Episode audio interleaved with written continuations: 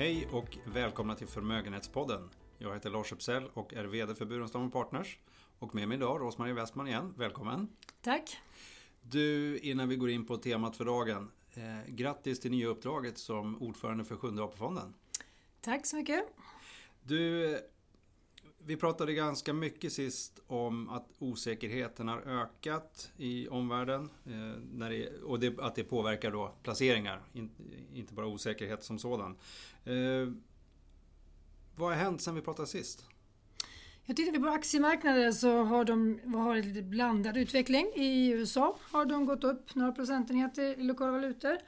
Och i Sverige och Europa så har de gått ner någon procent. Så att, eh, inte så stora rörelser har det varit. Men eh, det har gått lite starkare i USA då än Europa och Sverige? Det stämmer och eh, man kan väl eh, kanske se det som att det hänger ihop med att det är en starkare konjunktur i USA jämfört med eh, Europa. Vi har en inbromsning i Europa som är bekräftad för första kvartalet. Det var visserligen lite svagare även i USA för första kvartalet men det har återhämtat sig snabbare så att den återhämtningen nu för andra kvartalet syns mycket tydligare i USA.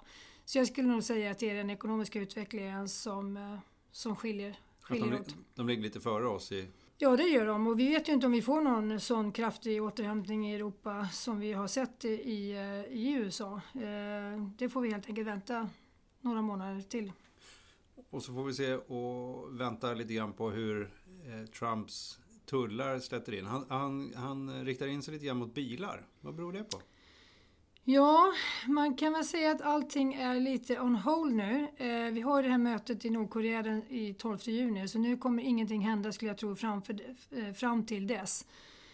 Eh, men vi har ju sett eh, stål och aluminiumtullar, de har blivit verklighet under, under tiden här och vi är inte undantagna i Europa vilket är negativt.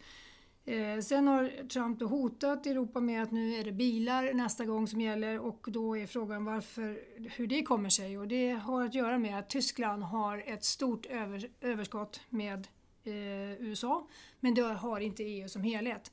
Men Trump har ju slutat att se EU som en relevant motpart. Han vill ju helst bryta upp alla de här avtalen och göra bilaterala avtal med varje enskilt land i Europa. Så därför kommer han nu straffa ut Tyskland då, eh, med bilar just. Men det kan ju även slå mot Sverige. Vi har ju en hel del eh, biltillverkning i västra Sverige som eventuellt kan påverkas. Ja, just det. Du, eh, låt, finns det någonting som har lättat på den här osäkerheten som vi pratade om förra gången? Eller är det konstant? Eh, eller har det blivit värre till och med? Ja, jag skulle inte säga att det har blivit bättre. Det är eh, mycket som talar för att den här lite nyare stilen då som eh, administrationen i USA har, den kommer inte upphöra utan det verkar gälla att, att röra upp så mycket känslor som möjligt på alla sidor för att skapa den här konfrontationen i många frågor och att många frågor är uppe parallellt samtidigt, både geopolitik och handelspolitik parallellt. Eh, så det blir en väldigt svår miljö att röra sig i. Och eh, för Sveriges del så kan vi se, vi har ett uttalande för, från Jacob Wallenberg idag på, i Financial Times som säger att det här påverkar eh, företagens investeringar. Man måste helt enkelt fråga sig om man ska behålla de investeringsplaner man redan har eller om man ska ändra på dem utifrån det här ändrade läget. Okej. Okay. Och det innebär då, om man sammanfattar läget framåt, eh, att vi behåller den här eh, lilla undervikten mot aktier. Vad ska du säga om det? Eh, vi behåller den här undervikten som speglar då den här ökade osäkerheten och eh, det är ju på det här sättet att vi ser ju inte att den har riktigt prissatts i marknaden. Så i den mån vi får ett mindre positivt utfall så har man inte tagit höjd för det helt enkelt i marknaden. Ja, Om vi börjar blicka framåt då? Eh, vi har gått in här i början av juni och eh, vad händer nu framåt sommaren? Ja, förutom det här mötet i Singapore 12 juni så då har vi ett, Fed, ett möte från Fed i Fed den 13 juni. Det är det som står på agendan närmast. Ja. Och vad tror du sannolikheten att det här mötet i Singapore kommer äga rum överhuvudtaget? Eh, jag tror att det kommer äga rum. Det finns rätt mycket intresse för att det ska äga rum. Sen hur det blir med utfallet är en annan sak och eh, jag tror, jag har väldigt svårt att se att det blir ett, ett starkt eh, genombrott. Jag tror att man ska se det... Alltså, agendan har skiftat. USA vill ju ha väldigt mycket break it och make it eh, som en, en stor, eh, st stort genombrott.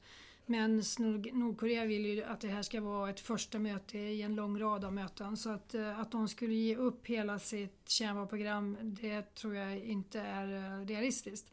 Gör de det så kommer det ändå finnas en tidslinje här där olika saker ska hända vid olika tidpunkter. Så det går inte direkt eh, utvärdera om de kommer hålla fast, om de kommer leverera och allt det här. Utan det kommer vara en viss osäkerhet. Men det är ändå tolkningsföreträdet här, vem som anses som vinnare och eh, hur det här tas emot eh, helt enkelt. För det kommer bli ett kvitto på om man har en fortsatt eh, tilltro till den här nya stilen då. Jag ska inte säga att den är hög den här tilltron men den har ju ändå fått till ett möte som inte har skett på väldigt länge och eh, det är klart att utvärderingen kommer komma ganska snabbt om det har varit en framgångsrik metod eller inte att använda de här ganska okonventionella metoderna. Då.